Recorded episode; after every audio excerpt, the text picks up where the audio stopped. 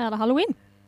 Da er det halloween, og i den anledning så har vi bestemt oss for å lage en liten bonusepisode. Eh, Så dette er jo vår halloween-spesial. Ja. Mm, Og i den anledning så har vi da samlet et lite knippe skumle historier Mm. som eh, vi hadde lyst til å lese opp i podden. Ja. Og før vi kommer i gang, så skal vi jo eh, introdusere oss. Jeg heter Toril. Mm. Og jeg heter Tonje. Husk å følge oss på Hjemsogtpodden Mhm. på Instagram. Eller send oss en mail på hjemsogtpodkast.gmail.com. gmail.com. Eh, Da har vi som sagt litt forskjellige historier. Eh, Jeg skal jo fortelle en eh, som jo egentlig er ganske kjent. Mm. Eh, Den heter 'En skolehistorie', skrevet av M.R. James. Og da skal du hjelpe meg litt. Ja. Vi skal uh, føre en liten dialog, Mm. så da kan vi egentlig bare sette i gang. Ja. To menn satt i uh, røkeværelset og mimret om skoledagene. På vår hadde vi fotavtrykket til et spøkelse i trappen. Hvordan så det ut? Veldig litt overbevisende. Bare avtrykk av en sko med en firkanta tå, om jeg husker riktig. Eh, trappa var av stein. Jeg hørte aldri noe historie rundt det. Og det er jo egentlig litt rart når man tenker over det, eh, for det var ingen som fant på en. Man vet aldri med gutter, de har en egen mytologi. Det er jo et tema for deg, forresten. Eh, privatskolenes folklore. Ja, men resultatet blir vel heller magert. Jeg vil tro at uh, om du undersøkte historiene som gutter på privatskole forteller hverandre, vil alle vise seg være inspirert av fortellinger fra bøker. Nå for tiden er det jo særlig Strand og Parsons og den slags. Utvilsomt. De var verken født eller påtenkt på min tid. La meg se. Lurer på om jeg husker de jeg ble fortalt. Først var det huset med et rom hvor en rekke personer insisterte på å tilbringe en natt, hvor alle ble funnet morgenen etterpå knelende i et hjørne, og alle hadde tid nok til å si 'jeg har sett det', og så døde de. Var ikke det hus i Barclay Square? Eh, det tror jeg det var.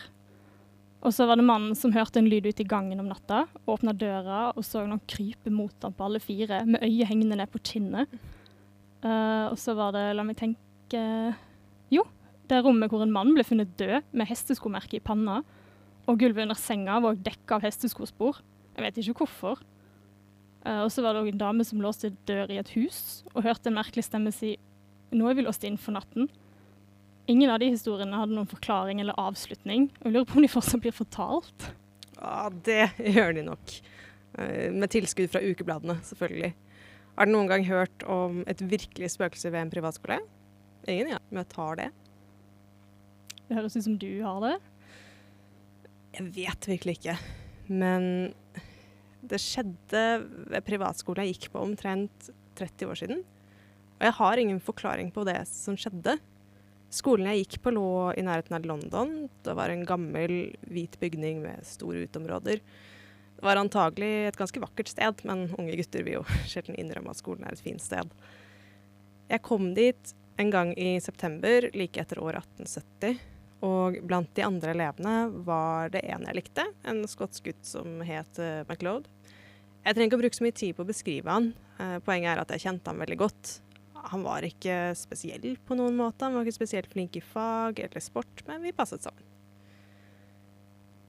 Det var en stor skole. Normalt så må det ha vært mellom 120 og 30, 130 gutter der. Så det trengtes en betydelig stab av lærere. Og det var en hyppig utskiftning av dem et semester, jeg tror det var mitt tredje eller fjerde, kom det en ny lærer. Han het Samson og var en ganske høy og traust og svartskjegget mann. Jeg tror vi likte han. Han hadde reist en god del, og han fortalte en del morsomme historier. Jeg husker også Du verden, jeg har nesten ikke tenkt på han siden den gang. Men jeg husker at han hadde en amulett i klokkekjedet som ble veldig Jeg ble veldig nysgjerrig på den og han lot meg se nærmere på den. Det var en bysantisk gullmynt. På den ene siden var det et bilde av en eller annen absurd keiser. Den andre var praktisk talt blankslitt, og han hadde gravert inn ganske barbarisk sine egne initialer, GWS, og en dato, 24. juli 1865. Han fortalte meg at han hadde plukket den opp i Konstantinopel. Altså Det første merkelige som skjedde, var dette. Samson gjennomgikk latinsk grammatikk med oss. En av hans favorittmetoder, det var kanskje en ganske god metode egentlig, var å få oss til å konstruere setninger ut av vårt eget hode som skulle illustrere de reglene han forsøkte å lære oss. Det er selvfølgelig en situasjon som legger opp til at tåpelige skolegutter benytter sjansen til å være litt uforskamma. Men Samson hadde en ganske god disiplin på oss. Det var ingen av som ville tørre å finne på noe slikt. I akkurat denne timen så skulle vi lære hvordan vi skulle uttrykke det å huske på latin. Og han ba oss hver og en om å lage en setning med verbet 'memini', som betyr 'jeg husker'. Mm. De fleste av oss laget ganske vanlige setninger, som 'jeg husker min far', eller 'han husker sin bok', eller lignende. Men grunnen til at jeg nevnte MacLeod, er fordi at han åpenbart tenkte på noe litt mer avansert enn som så. Alle vi andre vil jo bare få godkjent eh, setningene våre og bli ferdig med oppgaven. Så noen sparket borti han, og jeg, som satt ved siden av han, jeg dyttet borti ham og hvisket at han måtte våkne. Men det så ikke ut til han hørte meg. Men så så jeg bort på arket hans og oppdaget at han ikke hadde skrevet noen ting. Jeg dyttet borti ham litt hardere og irettesatte ham for at han lot oss alle vente. Og det så ut til å virke. Han skvatt til og rablet raskt ned et par linjer på arket som han viste fram sammen med oss andre. Siden det var det siste arket som ble levert, og Samson hadde en hel del å si til de som hadde benyttet anledningen til å tulle litt, ble klokken tolv innen han rakk fram til MacLeod, og han måtte bli igjen for å få setningen sin rettet. Jeg ventet på ham. Han kom gående ganske langsomt da han endelig kom, så jeg skjønte jo at det var noe galt. Vel, sa jeg, hva fikk du? Og jeg vet ikke, sa MacLeod. Ikke noe særlig, men jeg tror Samson er ganske lei av meg. Hvorfor det? Skrev du noe tull? Nei, sa han, det var helt i orden, så vidt jeg kunne se. Det var slik Memento putei inter cuator taxos. Hva fikk deg til å skrive noe sånt, sa jeg. Hva betyr det? Det er det som er så merkelig, sa MacLeod. Jeg er ikke helt sikker på hva det betyr. Alt jeg vet, er at det bare dukket opp i hodet mitt, og jeg skrev det ned. Jeg vet hva jeg tror det betyr, for rett før jeg skrev det ned, fikk jeg et slags bilde i hodet mitt. Jeg tror det betyr 'husk brønnen blant de fire Hva de heter, de trærne som har røde bær på dem? Barlind. Ja vel, hva sa Samson? Jo, han ble veldig rar. Da, da han hadde lest det, reiste han seg opp og gikk bort til peisen. Han ble stående ganske lenge uten å si noe, med ryggen til meg. Og så sa han Hva tror du det betyr? Jeg fortalte ham hva jeg trodde det betydde, og så ville han vite hvorfor jeg hadde skrevet det, og jeg måtte jo bare si noe. Og så ville han vite hvor lenge jeg hadde vært her, og hvor familien min bodde og sånt. Og så fikk jeg gå. Men han så virkelig ikke helt bra ut. Neste dag ble MacLeod liggende til sengs med en forkjølelse eller noe sånt, og det tok en ukes tid før han kom på skolen igjen. Det gikk også en hel måned før det skjedde noe mer. Om Samson hadde blitt redd, slik MacLeod trodde, så viste han i hvert fall ikke noe til det. Nå er jeg selvfølgelig veldig sikker på at det var noe merkelig med fortiden hans, men det var ingen av oss som var smart nok til å skjønne det den gangen. Det var en hendelse til som var lik den jeg nettopp har fortalt. Det var som sagt vanlig at vi måtte lage setninger for å illustrere regler på skolen. Så kom den dagen vi skulle gå gjennom de kjedelige tingene som man kaller kondisjonalis, eller betingelsessetninger. Og vi fikk beskjed om å lage betingelsessetninger som uttrykte en fremtidig konsekvens. Vi gjorde det og leverte lappene våre, og Samson begynte å se gjennom dem. Plutselig reiste han seg og laget noen merkelige lyder nede i halsen og styrtet ut av en dør som var like bak kateteret. Vi satt der i et par minutter, og det var jo ikke helt riktig av oss, selvfølgelig, men vi gikk opp og leste lappene ved kateteret. Jeg trodde selvsagt at det var et eller annet nonsens som var skrevet, og at Samson hadde gått for å rapportere det. Hvordan det nå var, så hadde han ikke tatt med seg noen av lappene da han løp ut. Vel, den øverste lappen var skrevet i rødt blekk, noe ingen av oss brukte. og det var heller ikke håndskriften til noen i klassen. Alle så den, og alle sverget på at den ikke var deres. Så kom jeg på ideen om å telle alle lappene. Og dette er jeg helt sikker på. Det var 17 lapper på pulten, men det var bare 16 gutter i klassen. Jeg tok den øverste lappen og beholdt den, og jeg tror jeg har den ennå. Og nå vil du vel vite hva som sto på den. Det var enkelt nok og harmløst nok, vil jeg si. Det sto si to non veneris ad me ego veniam ad te, hvilket betyr hvis du ikke kommer til meg, kommer jeg til deg. Kan du vise meg den lappen? Ja, det kan jeg nok, men det er noe annet merkelig med den lappen. Samme ettermiddag tok jeg den ut av skapet mitt, og jeg vet at det er den samme lappen, for jeg laget et fingermerke på den. Men da var det ikke noe som helst spor etter skrift på den. Siden den gang har jeg prøvd flere eksperimenter for å finne ut om det var brukt usynlig blekk, men uten resultat. Nok om det. Etter omtrent en halv time kom Samson inn igjen. Han sa han hadde følt seg dårlig, og at vi kunne gå. Så gikk han forsiktig bort til kateteret og kikket på det øverste arket. Og han trodde vel at han hadde drømt det hele. Han stilte i hvert fall ingen spørsmål. Neste dag var Samson på skolen igjen som vanlig. Men den kvelden skjedde den tredje og siste hendelsen i min historie. Vi, MacLeod og jeg, sov i en sovesal som sto til høyre for hovedbygningen. Samson sov i hovedbygningen i første etasje. Det var en veldig sterk fullmåne den natten. På et tidspunkt Jeg kan ikke si helt nøyaktig, men en gang mellom ett og to ble jeg vekket av at noen ristet meg. Det var MacLeod, og han var temmelig oppskaket. Kom, sa han, kom! Det er en innbruddstyv som holder på å komme gjennom vinduet til Samson. Så fort jeg var klar til å snakke, sa jeg, hvorfor roper du ikke og vekker alle? Nei, nei, sa han. Jeg er ikke sikker på hvem det er. Ikke lag noe bråk, kom og se. Naturligvis gikk jeg for å se, og naturligvis var det ingen der. Jeg ble ganske irritert. Men det virket Jeg kan ikke helt sette fingeren på det, men som om det virkelig var noe galt. Noe som gjorde at jeg var veldig glad for at jeg ikke var alene. Vi sto fremdeles ved vinduet og så ut, og snart spurte jeg hva han hadde hørt eller sett. Jeg hørte ingenting, sa han.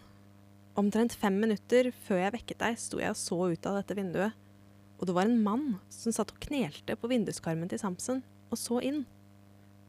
Og jeg, jeg syns at han vinket. Hva slags mann?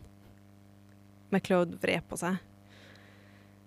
Jeg vet ikke, men kan si den ene ting. Han var forferdelig tynn, og han var helt våt over hele seg. Han så seg rundt og hvisket som om han nesten ikke ønsket å høre seg selv. Jeg er ikke helt sikker på om han var i live.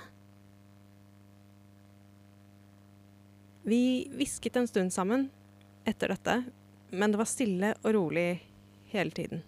Jeg tror vi sov litt etter det, men vi var veldig trøtte dagen etterpå.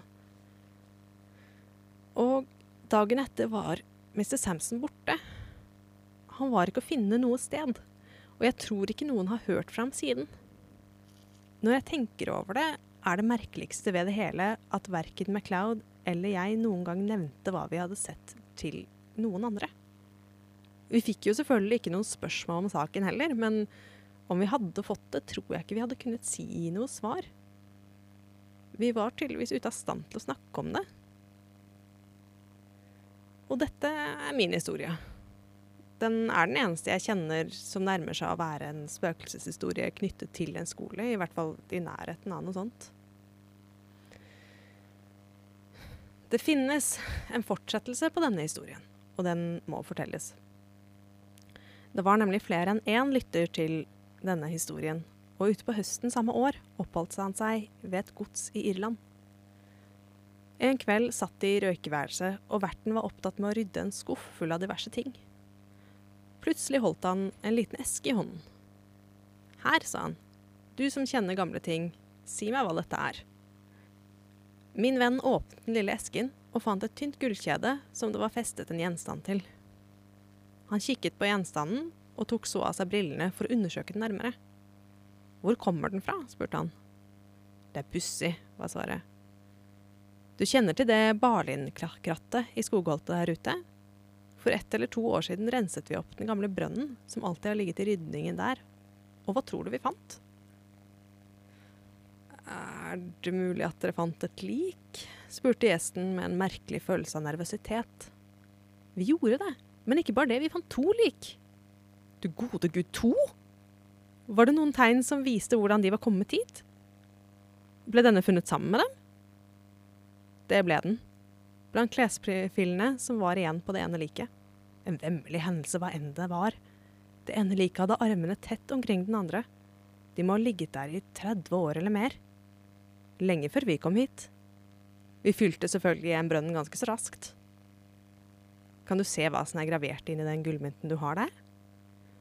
Ja, jeg tror det, sa min venn og holdt den opp mot lyset, men han hadde egentlig ingen problemer med å lese hva som sto.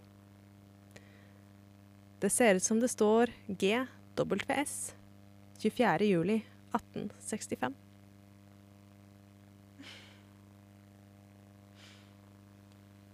Og det var det. Det var det. Ja, den er ganske ekkel. Mynten. Ja, nei, ja det, det er litt ekkelt. Jeg syns den er veldig spennende. Den, Den er veldig spennende. faktisk. Så jeg håper at, eh, håper at jeg klarte å framføre den på en eh, Mm. bra måte til dere. Ja. Jeg tror det. Det var ganske eh, Jeg har, tror jeg har lest den. Det har du nok. Det er en ganske kjent historie. Ja, men jeg har ikke hørt den liksom fortalt før. Jeg tror ikke jeg har sett den på norsk heller. Nei, jeg tror ikke det er så mange oversettelser. Mm. I hvert fall ikke opplest. Men, men det høres kjempekjent ut. Mm. Jeg føler at det er noen ting jeg har sikkert i hvert fall er hørt referanser til. mm. ja, England har jo veldig mange sånne type historier, Mm. egentlig. Så det, det er egentlig veldig mye å se på. Men det var akkurat den jeg hadde lyst til å snakke om i dag. Mm. Og så har du et par som du har Ja. funnet fram. Jeg hadde det er halloween. Jeg vil snakke om spøkelser. Ja. Eh, så jeg tenkte at jeg skulle finne noen sånn spøkelseshistorier. Så, men det er nesten sånn, det er sånn vandrehistorier, spøkelseshistorier. Sånn folkemunne-type. Så jeg skal snakke om en som ofte blir omtalt som det mest kjente gjenferdet i Norge. Oi. Eh, jeg syns egentlig ikke han er så kjent, OK. men det er munken i Nidarosdomen. Ja. Jeg har hørt uh, den historien omtalt, men jeg Mm. vet ikke om jeg har satt meg ned og lest den noen gang. Nei, for jeg har hørt at det spøker, men når jeg leste at han var liksom det mest gjen... Eller liksom OK, nå kommer jeg fra et sted med annen Veldig mye Ja. Så jeg var litt sånn Jeg tror ikke han er det mest kjente. Men ja, nei, det var meg, da. Eh, sikkert uh, veldig omtalt av folk som faktisk har vært i Nidarosdomen. Det har ikke jeg. Det er Eh, faktisk ikke jeg heller. nei. Så, men vi kan jo hoppe inn i det. Vi kan i hvert fall uh, begynne med Ja. Nidarosdomen er for Altså, det er jo en katolsk katedral, men jeg kommer kanskje til å referere til det som en kirke, så forgive Ja. me hvis det skjer. Men Nidarosdomen var jo i sin tid en av de mest besøkte sånn, pilegrimstedene i Nord-Europa Mm. eh, når Norge var katolsk. Eh, og mun munkeorden hadde ja, ganske mye å si i liksom, kirkesammenheng og sånn. Eh, og det var mye mer mystikk rundt religion og tru og sånn. Uh, Nidarosdomen sto vel ferdig på rundt uh, 1300-tallet, tror jeg. Den var påbegynt rundt Mm. slutten av ja, nesten sånn uh, 1100-tallet, liksom. Mm. Så ganske Ja, er vakker bygning. Uh, vi har ikke så veldig mange munker i Norge i dag, men likevel så sier du at det skal være en munk som går rundt i, i Nidarosdomen. da. Og det begynte i 1924 når uh, bispinne, altså kona til en biskop, eh, Marie Gleditsch, uh, hun er faktisk den første som sier at hun har sett en munk gå igjen der. Så det begynte ikke før 1924, da, altså flere hundre år etter at katedralen har eh, hatt, eh, vært aktivt brukt. Eh, men hun sier at på en kveldsgudstjeneste så så hun plutselig en litt sånn rar eh, skikkelse som bare gled liksom over gangen langs søylene mot alteret. Uh, og han så veldig rar ut. Han hadde liksom en kappe og sånn munkehette, og han hadde sånn uh, Det fins et finere ord på det, men han hadde sånn munkesveis. uh, ja, altså Han var middelaldrende, og han hadde tonsur, heter det. Sånn munkesirkel. Sånn veldig gjenkjennelig som munk, liksom. Uh, og han hadde også et sår på halsen, en blodig stripe. Uh, og så passerer han plutselig rett gjennom en person på vei mot alteret. Uh, og hun tør ikke å se mer, hun bare ser rett ned og blir liksom Herregud, det er så skummelt, liksom. Hva var det der for noen ting? Og når hun tør å se opp igjen etter en stund, så står han plutselig bare i, liksom, med søylene på kanten, og bare ser på henne med armene liksom i kors foran kroppen, og nesten sånn skuler på henne, liksom. Ser sånn stygt på henne. Um, og hun sier det her også til Aftenposten, faktisk, så de skrev en uh, liten artikkel på det. Den har jeg ikke med, men uh, det, altså, hun sa det til folk, og de var liksom de var med på det. Folk var litt sånn 'å, Kanskje vi kan linke til den ja, artikkelen? kanskje vi kan finne den. Uh, biskop Alex Johnson, eller ja, Jonsson kanskje, skal òg ha sett en mystisk skikkelse eller et nærvær i 1933. Uh, han sier at han følte et nærvær når han sto i en av de buegangene uh, i en av de store rommene. Uh, men når avisa kom for å spørre han eh, om det i ettertid, så verken bekrefter han eller avkrefter at det har skjedd. Eh, men han har sikkert da sagt det til noen. og Sånn, 'Å, kjente du det?' Eller, og så har det gått videre. At han også har opplevd biskopen, liksom. Mm. Eh, men han var litt sånn 'Ja, nei, ikke lag noen sak'. Ut av det. vil ikke ut i media, helst. Ja, nei, det var litt mer sånn. Altså, han var noen biskop, liksom. En ganske profesjonell mann, vil jeg tro. Mm. Uh, og i 1966 så begynner media å få litt øyne opp for det her og har litt lyst til å filme og litt sånn. Så en som er uh, Det het filosofmagister uh, at the time. I dag tror jeg vi kaller det bare doktorgrad i filosofi. Uh, av Jon Medbø sammen med to studenter. Uh, de skulle tilbringe natt i Nidarosdomen. Mm. Og etterpå så fortalte de at de hadde hørt tydelige steg rundt seg. Altså Noen hadde vært der. De hadde, det hadde vært messesang, og de hadde liksom hørt ting bli flytta på. De hadde hørt liksom et kor, og det var liksom, de hadde hørt masse. Eh, og Medbø kjente også igjen sangen. Han er tydeligvis også sånn uh, musikkhistoriker eller noe. Og han sier at det her er en korssang fra uh, år ja, blir det da? 1208. Uh, lagd av eh, noen som holdt til i Notre-Dame, faktisk. Og han kjente den igjen liksom pinpoint, og bare denne her er derfra. Eh, og det førte til en voldsom debatt i media, for han gikk jo veldig sterkt ut. Han er sånn 'Det her er det vi opplevde', han sang den sangen, og det var liksom Ja. liksom det her skulle ut. Um, og mange mennesker etter at de hørte det her kom opp i media, så var de sånn Ja, jeg òg har vært der, og jeg òg har sett den, og jeg opplevde det her. Og det var liksom en mediastorm med alle som hadde opplevd noen ting uh, og sett han her munken. Eh, så Medbø blir altså utestengt fra Nidarosdomen på nattestid. det er sånn, nå er det over. Nei, nå vil vi ikke mer. Nei, det ble liksom Det var sånn, herregud, det er Guds hus. Kutt ut med Ikke noe hjemsøkt, eh, ondskapsfull munk her, liksom. Eh, men eh, når André Bjerke og Harald Husberg kom inn i ettertid for å etterforske, hadde uh, kirka sin ledelse fått nok. De var sånn Nei, dere får ikke komme inn med filmutstyr på natta. uh, de syntes ikke det var greit. Å, så synd. Ja, veldig synd. Det hadde vært veldig gøy. Ja, det var til den serien de hadde, uh, I grenseland, eller Ja. noe sånt. André Bjerke var jo veldig opptatt av Mm. ting. Ja, han har jo skrevet kjempemye spennende. Mm. Uh, skal vi se. Og så i nyere tid så har organisten Hegeland, i hvert fall, jeg husker ikke hva fornavnet hans var, eh, fortalte om en opplevelse han hadde en kveld når han hadde lånt nøklene eh, til katedralen, for han skulle øve. Eh, og rundt midnatt, så han hadde sittet ganske lenge, så han tok en pause. Eh, og når han da sluttet å spille, så hørte han plutselig liksom middelaldersk munkesang eh, nede i liksom framme med alteret, da, der det er veldig lytt opp til galleriet.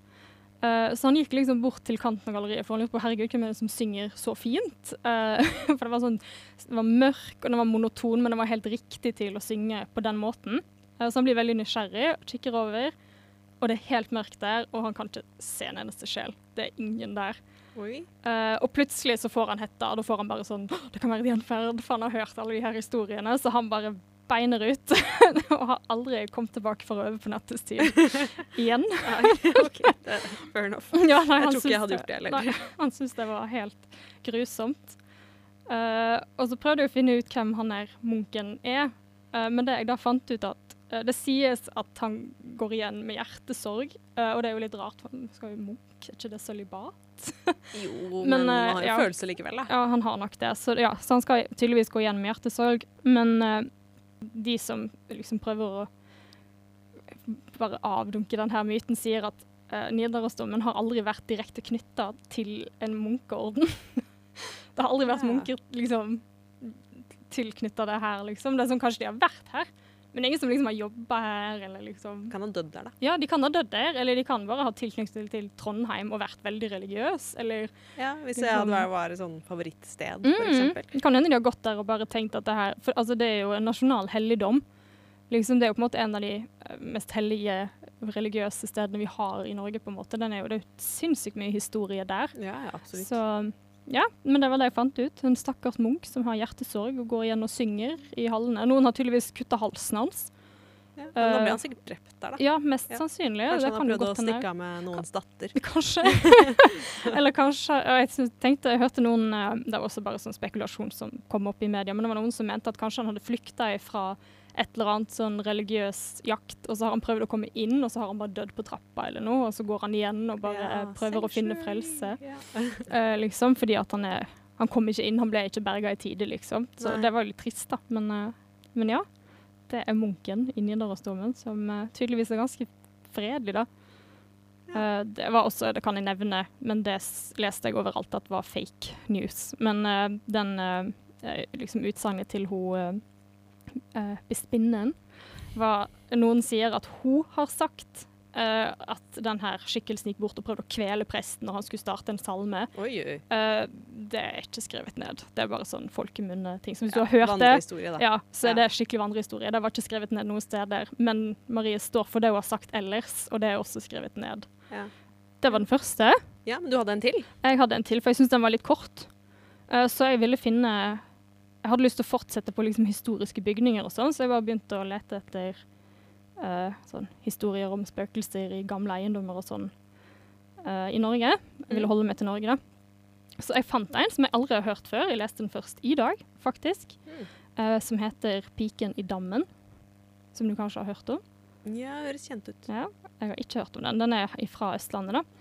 Men i 1671 eh, så hadde ikke Norge noen konge the time. Uh, de ble stort sett styrt av jeg tror Gyldenløve, er det det man sier? Uh, som var stattholder, ja. Uh, I sånn 30 år. De kom over med et skip fra Danmark og grunnlegger byen Larvik. Det ligger mye mer historie bak det, men det trenger vi ikke gå inn på. Og med byen så bygger de også den herregården. Og ja, det er storslått. Det er fransk mote som er gjeldende for tiden. Og det er storslått for storslåtte eiere. Det er høye parykker og sminke og alt det der. Eh, og sammen med all den her eh, prakten, så har de jo tjenestefolk. Og blant de så er det en beskjeden og ukjent, ganske ung jente. Jeg tror hun altså under tolv, eller kanskje hun var rundt ti-tolv år gammel. Eh, foreldreløs. eh, hun henger sammen med eh, Hun kommer liksom som en sånn pakke eh, sammen med skredderen, fordi hun er veldig flink til å sy. Så hun er liksom syerske da, som skal tjene litt penger. Mm. Og hun har bare en slektning, uh, en bror, men han er smed i Danmark. Uh, og de begge prøver å liksom tjene penger, sånn at de kan møtes igjen. Uh, når mammaen deres døde, så hadde hun en medaljong som hun delte i to, og ga til hver av de. Og de ga liksom et løfte til hverandre når de var unge, at de skulle møtes og forene de her medaljongene igjen, da, så det ble én. Når de også skulle møtes og ha et fint liv sammen, liksom bror og søster. Mm. Eh, men nå er hun helt alene i et nytt og fremmed land. Vi har ikke noe navn på henne heller. Um, eh, var et, på, et par år etter at hun kom til Norge, 1677, uh, rett etter Gyldenløves bryllup til sin andre kone, uh, så blir hun funnet død i en Carpe Dam da, på eh, eiendommen. hun bare flyter rundt eh, i dammen, og ingen har hørt eller sett noen ting. De vet at hun pleide å sitte på kanten eh, og mate fiskene når hun hadde tid. Bare, men hun gikk aldri uti, for hun kunne ikke svømme. da. Mm. Og det er ingen som liksom har fått med seg noen ting, hvordan hun endte opp der, eller når det må ha skjedd. For det har vært bryllup over lang tid, flere dager, flere, kanskje flere uker. Og sånn, så hun kan ha ligget der en stund. uh, og det, var, det er ingen som har hørt og Det har vært mye lyd og mye som har skjedd og sånn. Så selv om eiendommen ikke er kjempestor, så er det liksom ingen som har sett, sett henne, eller sett at hun kanskje trengte hjelp. Eh, de tror ikke at noen har kasta henne uti, de tror at det har vært et uhell. Ja. Eh, og i nesten 100 år så går hun igjen der, eh, og de har mange skrifter på folk som sier de har sett eller hørt henne. Uh, de sier at hun går igjen på selve liksom, hovedhuset også. De prøver å lokke barn med ned til dammen, enten for kanskje å hjelpe, og for hun er også et barn sjøl, så det er ikke sånn kjemperart at hun spør barn om hjelp. Uh, pluss at hun er jo foreldreløs og av sikkert veldig lav eh, rang, skulle man kanskje kunne si. At hun liksom tør ikke å snakke med liksom, de store herrene eller noen ting, så hun går til barna. da. Og det virker nesten som om hun prøver enten kanskje å drukne de for selskap, eller få hjelp i drukner. eh, Ligger Ja. i vannet, liksom. Eh, og på kvelden, hvis du gikk ute, så kunne du kanskje høre at hun kava i vannet og ropte etter hjelp. Mm. Eh, og sånn sier de at de bare Men det var ingen der når de gikk for å se. liksom. De var, det var bare Så lyder. ekkelt. Ja, jeg, synes, jeg får litt frysninger av å tenke på det. Jeg syns det er veldig Mm. trist òg. Ja. Men uh, det fins egentlig en lykkelig slutt på det her. I 1766, uh, altså nesten 100 år etterpå, så er det en ung jente, dattera av den daværende greven uh, på herregården, eh, har tydeligvis fått med seg denne historien. Hun har i hvert fall begge de oppdelte medaljongene, og hun får de, uh, liksom, en smed til å fikse de sammen igjen. Og da skal tydeligvis uh, denne piken i dammen ha fått sjelefred. Eh, og kanskje funnet broren sin på den andre siden, og sluttet å gå igjen. Og de har ikke hørt noen ting fra henne igjen eh, siden det. Så det er ikke et spøkelse folk burde ha hørt i dag. Eh, det folk kan ha hørt i dag, det var mange historier om at det spøker på det her greiene. Så jeg skal bare nevne en siste. For det skal egentlig være fredelig der nå. Eh, men som alle gamle, store hus, så er det jo ofte litt historie som er sånn Der spøker det. Mm. Eh, I hvert fall sånne store, storslåtte herregårder må jo ha et spøkelse. Så det er en grå dame som glider gjennom ja, gangene Alle, her. alle Ja, har jo en grå dame, eller hvit dame. ja, det må være det. Uh, hun glider gjennom gangene, uh, og det fins tydeligvis Jeg har ikke vært der, men det fins tydeligvis eh, et avbilda portrett av denne dama i spisesalen. Eh, og det er tydeligvis det siste, eller det eneste portrettet de har der som de ikke vet hvem er. da. De har ikke noe navn på henne. Mm. Uh, så de sier at det er hun som går igjen fordi ingen husker hvem hun er og er litt sånn sinna. Uh, hun byr på liksom poltergeist-aktivitet. Hun drar i stoler, tunge bord, tunge stoler, flytter på folk, skubber folk over ende, smeller med dører, eh, kaster ting fra bordet og liksom bare ut i rommet og sånn. Uh, og det bildet ser på deg uansett hvor du befinner deg i rommet. I spisesalen så ser hun deg. Hvis du altså, prøver å flytte deg, så følger hun liksom med på deg med blikket. Men bare øynene, eller liksom hele kroppen? Jeg tror det er blikket, at Ja. du følger det med blikket. Men altså, hvis man blir redd nok for det, så plutselig så føles det som hele hodet blir med òg. Ja, ja, men det så, ikke for å være partypooper her, Mm. men uh, er ikke det det som Jo. er eh, standarden for et bra maleri? Jo, egentlig, når jeg har lært å tegne portretter, så sier de at du skal tegne øynene så de ser på deg. Ja. Fordi da ser de mer ekte ut. Jeg vet det bare når man er i gallerier og sånn. Men ja, det, det er nok verre å forklare de poltergeist-aktivitetene. Uh, og det at folk sier at de ser og liksom bare en dame bare kledd for en annen tid, som bare spaserer gjennom hallene Ja. og sånn. Men Ja, ja, den, den er mer med på. Den ja, er vanskelig er å forklare. Sånn, men ja, Ja. at bildet følger deg er litt sånn, det, det sier alle. Alle som har et portrett som er 100 år, 200 år gammelt, sier at øynene følger deg. For de var veldig flinke til å male før. de hadde jo ikke fotografi, Nei. som sin regel. Eh, men ja, det var, var de spøkelseshistoriene jeg fant i. Jeg hadde lyst til å snakke litt om sånn Akershus festning og sånn også, om de hundene og alt det der, men det føler jeg alle har hørt før. Ja, men der er det jo egentlig Vi kan jo prøve å gjøre dypdykk i den en gang. Mm. Men Ja, det er jo en mye lengre eh, Ja. fortelling. Det er det. Så stay tuned. Mhm. Men ja. Ja. Jeg elsker spøkelser og overnaturlige ting, så jeg tok helt av på det her. Egentlig. Det var en veldig god anledning for oss Ja. å gå litt uh, over oss selv og lage en liten bonus med Mm. spøkelser. Så det ble en liten, liten ekstra. Ellers så må dere ha en fortsatt god halloween. Gudene vet at det skal vi ha. Ja, Vi skal- Å, det blir fantastisk. oss. Elsker halloween. Kle oss ut. Ja. It works. Det blir bra. Mm. Takk for oss, og takk for at du lytter.